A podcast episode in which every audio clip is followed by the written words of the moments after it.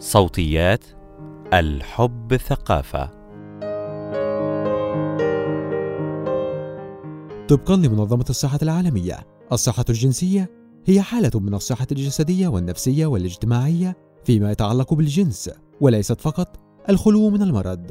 وهذا يتطلب اتباع نهج إيجابي فيما يتعلق بالجنسانية والعلاقات الجنسية ذلك بالإضافة إلى إمكانية التمتع بتجارب جنسية ممتعة وآمنة. وخالية من الإكراه والتمييز والعنف. أسئلة متكررة عن صحة الرجال الجنسية. مقال لمحمود صلاح. عند قراءة التعريف السابق للصحة الجنسية سنلاحظ أن هناك جوانب مختلفة يجب توفرها للتمتع بالصحة الجنسية والتي تشمل أن نكون بحالة صحية نفسية وجسدية واجتماعية جيدة وليس فقط غياب المرض أو العدوى. أن تكون لدينا المعرفة الكافية لأخذ قرارات مستنيرة متعلقة بحياتنا الجنسية والعاطفية وجنسانيتنا. أن نكون قادرين على الحصول على حياة جنسية ممتعة خالية من العنف أو الإكراه. وبالتالي فالمتعة الجنسية هي أحد جوانب الصحة الجنسية. تأتينا العديد من الأسئلة حول مواضيع متعددة مرتبطة بصحة الرجال الجنسية. لذلك قررت الإجابة عن عدد من هذه الأسئلة المتكررة. أسئلة خاصة بحالات صحية. الرغبة الجنسية. ما هي العوامل التي قد تتسبب في نقص الرغبة الجنسية عند الرجال؟ هناك أسباب متعددة لذلك. منها قد يكون ذلك جزء طبيعي من التقدم في العمر. الضغط النفسي أو الاكتئاب. تؤثر الصحة النفسية بشكل رئيسي في الرغبة الجنسية. ومن الضروري استشارة الطبيب أو الطبيبة إذا كنت تعاني من مشكلات نفسية للحصول على العلاج المناسب. اضطرابات الغدد التي تؤثر على الهرمونات الجنسية. نقص هرمون التستوستيرون. فقد تؤثر بعض الحالات الصحية على معدلات هرمون التستوستيرون والذي يؤثر بدوره على الرغبة الجنسية. بعض الأدوية كبعض أدوية الاكتئاب ومضادات الحساسية وارتفاع ضغط الدم ويمكن دوما اختيار بديل مناسب عند إطلاع الطبيب أو الطبيبة. مرض السكري وارتفاع ضغط الدم. في حال ملاحظة نقص في الرغبة الجنسية من المهم استشارة الطبيب أو الطبيبة للبحث عن سبب ذلك والتعامل معه. ضعف الانتصاب. هل من الطبيعي ألا أكون قادرا على تحقيق الانتصاب أو الحفاظ عليه؟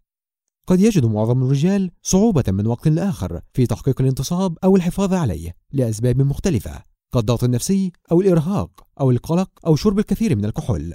ولكن إذا كان هذا الأمر متكررا بشكل ملحوظ فقد يشير لوجود ضعف انتصاب. ضعف الانتصاب. هو عدم القدرة على تحقيق أو الحفاظ على انتصاب كافي لممارسة الجنس. إذا كان ذلك عرضيا أو من وقت لآخر فهو لا يدعو للقلق.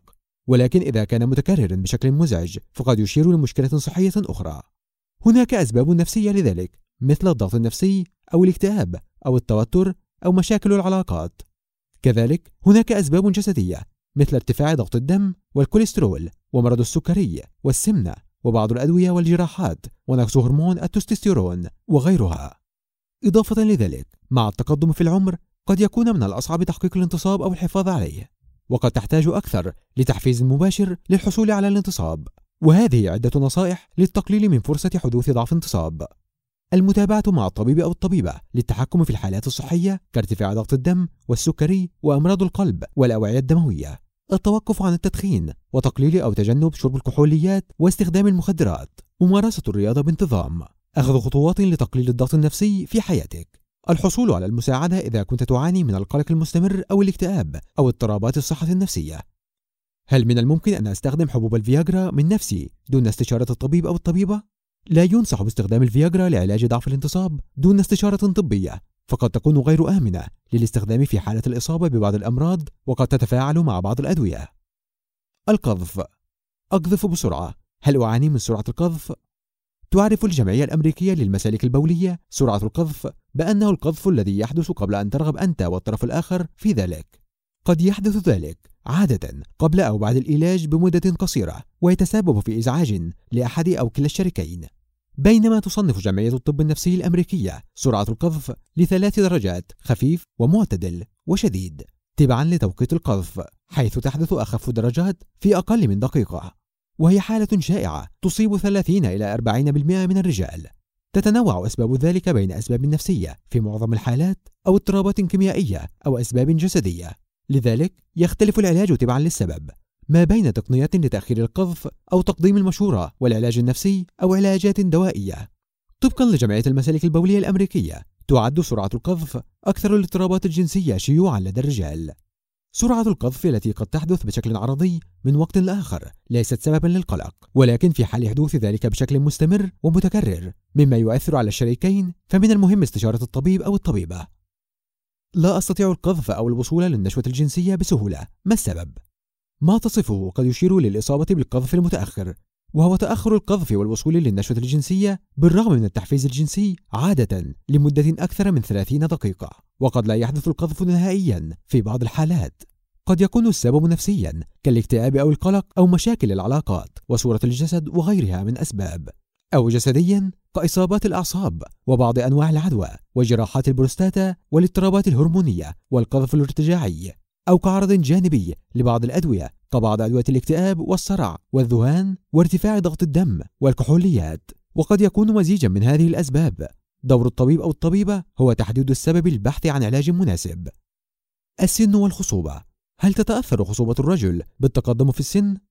لمدة طويلة من الزمن. ساد اعتقاد بأن التقدم في السن يؤثر فقط على خصوبة النساء وعلى احتماليات نجاح وسلامة الحمل. ولكن حديثا بدأت الدراسات للإشارة في أن التقدم في السن من الممكن أن يؤثر أيضا على خصوبة الرجال. وجدت إحدى الدراسات أن نسب نجاح التلقيح الصناعي تقل مع التقدم في العمر والوصول لسن 46 إلى 50 سنة.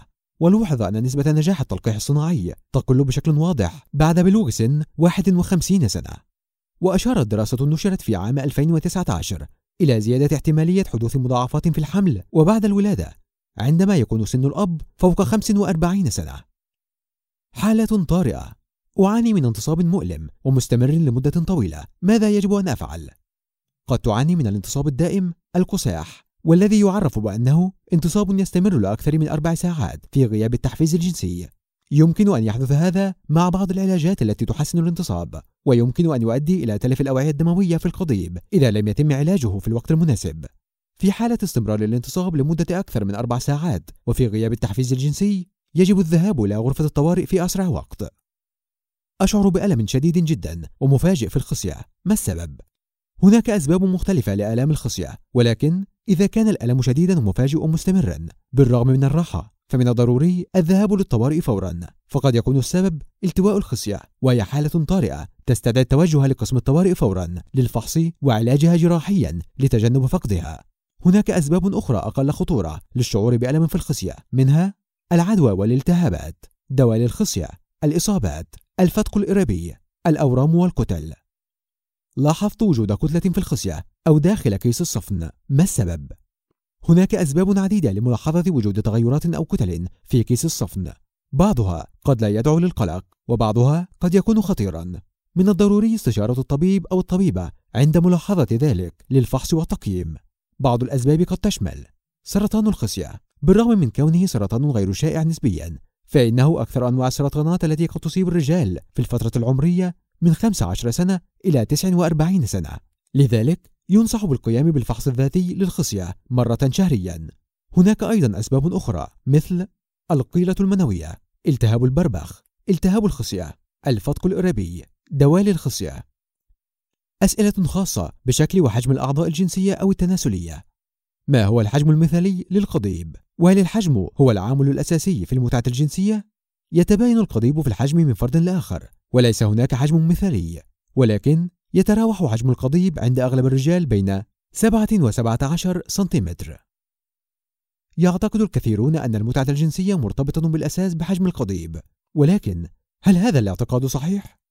حجم القضيب قد يكون تفضيلا جنسيا لدى البعض كغيره من التفضيلات الجنسية ولكن الربط بين كبر القضيب وبين الاستمتاع بالجنس هو ربط غير دقيق العنصر الأساسي للاستمتاع بالجنس هو التواصل الجيد مع الشريك أو الشريكة والاهتمام باحتياجاته أو احتياجاتها الجنسية.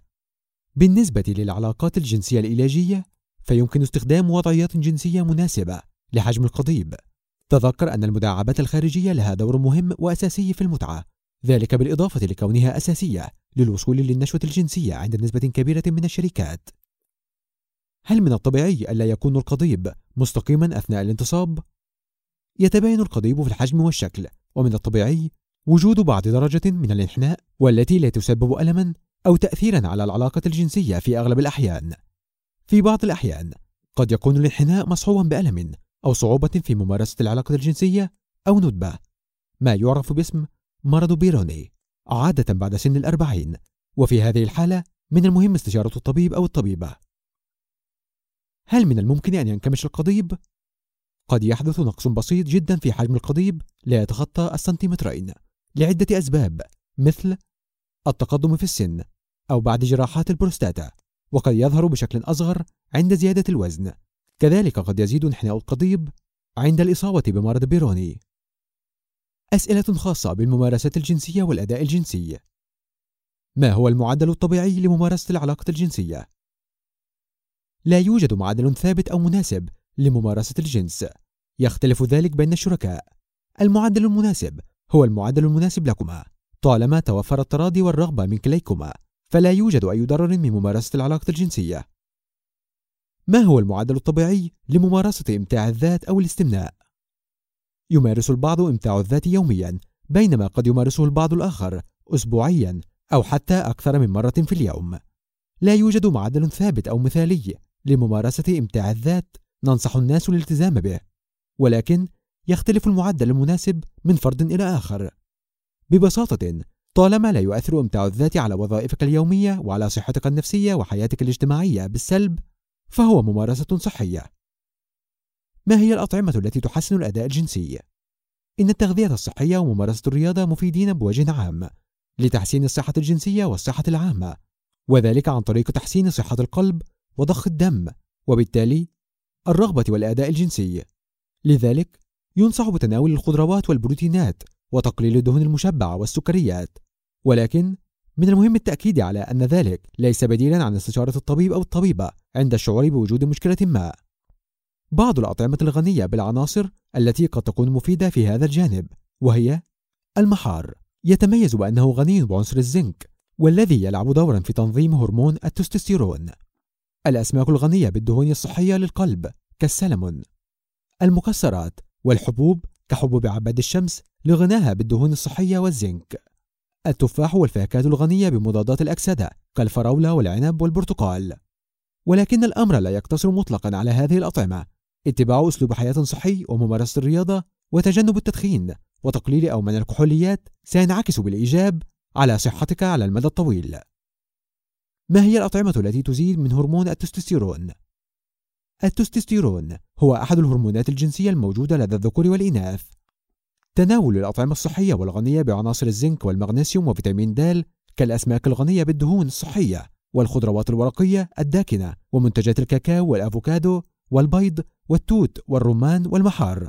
قد يزيد على المدى الطويل وبشكل غير مباشر من إنتاج هرمون التستوستيرون. كذلك فالإفراط في الأطعمة المعالجة قد يرتبط بنقص في معدلات هذا الهرمون. تلعب التغذية الصحية وممارسة الرياضة دورا في تنظيم معدلات هرمون التستوستيرون ولكنها لا تضمن زيادته وليست بديلا عن استشارة الطبيب أو الطبيبة والحصول على علاج في حال وجود مشكلة صحية ما. كذلك فلا توجد دراسات كافية لربط التغذية بمعدلات هرمون التستوستيرون ويلعب هرمون التستوستيرون دورا في الرغبة الجنسية صحة العظام وبناء العضلات إنتاج الحيوانات المنوية. إنتاج خلايا الدم.